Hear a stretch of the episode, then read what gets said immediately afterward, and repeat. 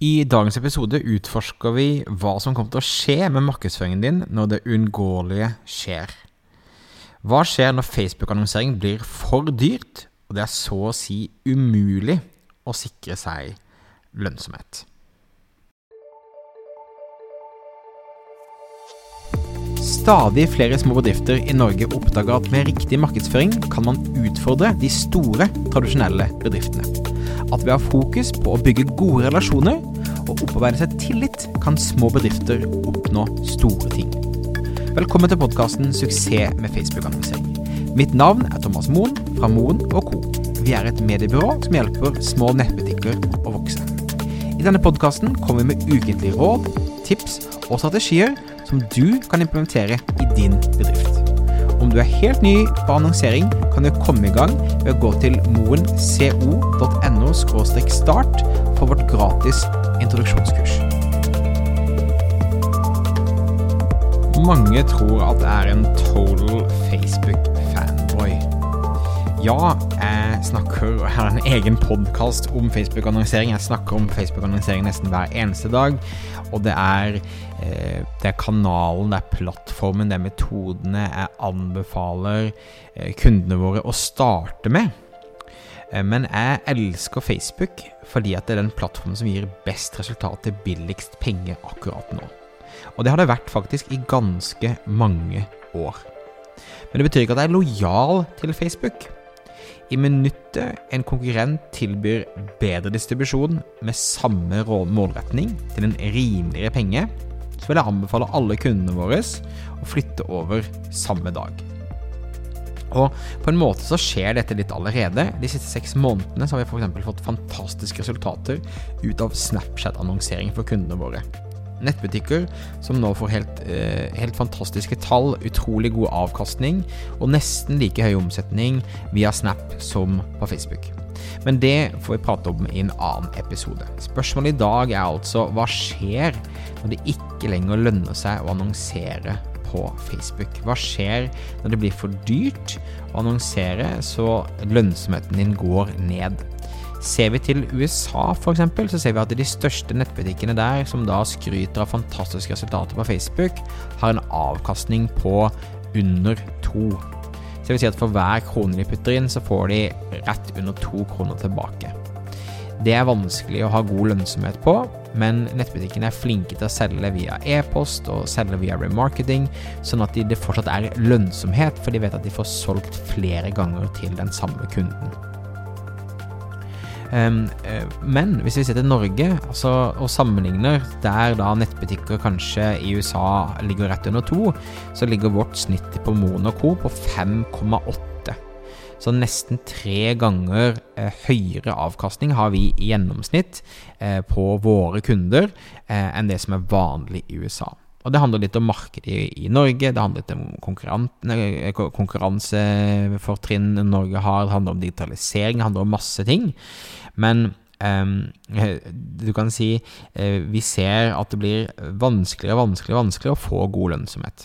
Selv om vi har kunder som har 40, 50 og 60 ganger tilbake for hver krone de bruker, så ser vi at den gjennomsnittlige annonsør i Norge sliter med å få god avkastning over f.eks. fire. Um, så igjen, da, hva skjer når det ikke lønner seg å annonsere på Facebook? Hva skjer når det blir rett for dyrt? Og da må vi først forstå hvordan Facebook fungerer. Uh, Facebook-annonsering er en børs. Eh, der alle annonsører byr på en målgruppe. La oss si jeg ønsker å nå kvinner 35 til 45 eh, som bor i Oslo. Eh, setter det som målretning på annonsene mine. Så vil jeg da konkurrere mot alle andre som ønsker å nå den samme gruppen mennesker. Og jo flere folk som ønsker å nå den samme gruppen mennesker, for det er begrensa hvor mange visninger Facebook kan selge hver eneste dag, i forhold til hvor mange som folk scroller gjennom feedene sine, så vil det bli dyrere og dyrere. Eh, og måten vi betaler på, er at i realiteten så betaler vi derfor å vise annonsene våre til x antall mennesker. Eh, det letteste tallet å måle her ut ifra er det vi kaller for en CPM, kost per mille, eller kostnad per 1000 visning av annonsen. Så det er definisjonen som eh, er lettest å, å sammenligne med og se trender med gjennom tiden. Eh, og ser vi ser, var gjennom og så på noen av de gamle annonsene som vi hadde kjørende for noen av kundene våre helt tilbake i 2017. Og da var snittprisen på, en, eh, på 1000 visninger, og vise annonsen din på 1000 kroner, var altså 50 kroner. Sammenlign det med da Altså det kostet 50 kroner å vise, å, å vise annonsen til 1000 mennesker, mens f.eks. i lokalavisa fra den bygda jeg kommer fra, så tror jeg de tar 15 eller 20 000 for å vise det, og det vises det da åpnes kanskje 2000-3000 mennesker maks, ikke sant. Så Facebook allerede i 2017 hadde et fantastisk fortrinn, for det var veldig rimelig å vise annonser til mange mennesker, samtidig som det også var veldig lett å målrette. Hvis vi ser nå i 2020, så, er da prisen per 1000 visning gått opp til ca. 150 kroner i snitt. Altså fra 50 kroner i 2017 til 150 i 2020. Altså det koster tre ganger så mye å nå 1000 mennesker i dag som det gjorde for tre år siden. Og det kommer til å fortsette å gå opp. Uh, og det kommer til å fortsatt gå opp pga. at det er mer konkurranse. Det betyr det er flere annonsører som, som annonserer, og som da uh, krangler eller uh, slåss om de samme visningene. Det kommer til å gå opp fordi at vi som Facebook-brukere får stadig flere venner, vi følger flere glupper, vi liker flere sider. og det gjør at det blir stadig mer vanskelig å komme gjennom nåløyet og faktisk få vist annonsen din hos folk. Eh, det er også samme grunn til at da, hvis du poster på en vanlig Facebook-side i dag, så pleier du i snitt å nå under 2% av de som følger deg. Mens tilbake i 2017 så kunne du nå kanskje 50-60% av de som fulgte deg, hvis du var flink til å lage godt innhold.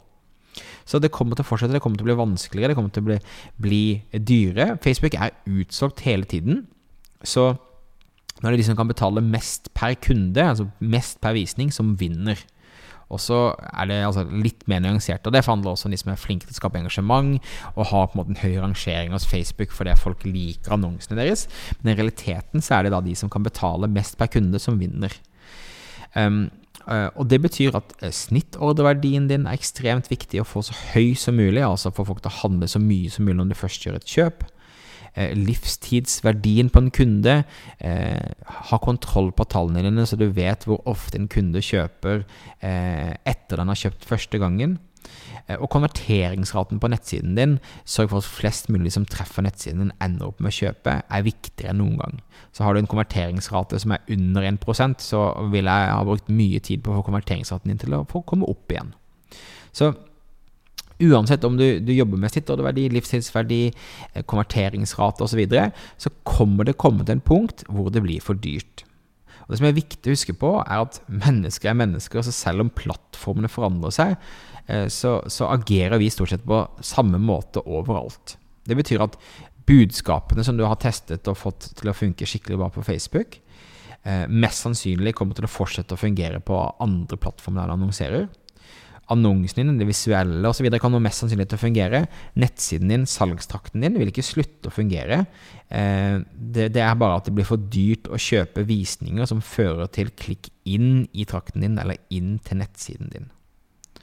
Så når eh, Facebook blir for dyrt, så er det da du skal eh, gå til å fokusere på de andre plattformene, de andre måtene å få trafikk på, både fortjent, vil si altså søk med optimalisering og folk som snakker om det, eh, egne kanaler, altså sosiale medier til folk får trafikk der, men også da betalt trafikk, eh, og finne andre eh, trafikkilder. Um, og dette er noe som du absolutt ikke burde begynne å tenke på når Facebook blir for dyrt. Dette burde du begynne med allerede nå. Um, jeg anbefaler alltid å, å, å få Facebook-annonsene dine til å levere best først. Som vil si liksom altså få ordentlig trøkk på Facebook-annonsene dine. Få, få, få, eh, få, maksimert avkastningen og omsetningen din. Men med en gang du har kontroll på det, så må du gå over til å eh, jobbe med andre kanaler også. Jeg anbefaler i hvert fall at du har eh, tre til fire betalte innganger hele tiden gående. Så eh, det logiske å starte med etter at du har hatt Facebook til å funke, er liksom Google ads. Eh, folk søker som oftest mye mer på deg og produktene dine etter å ha sett annonse.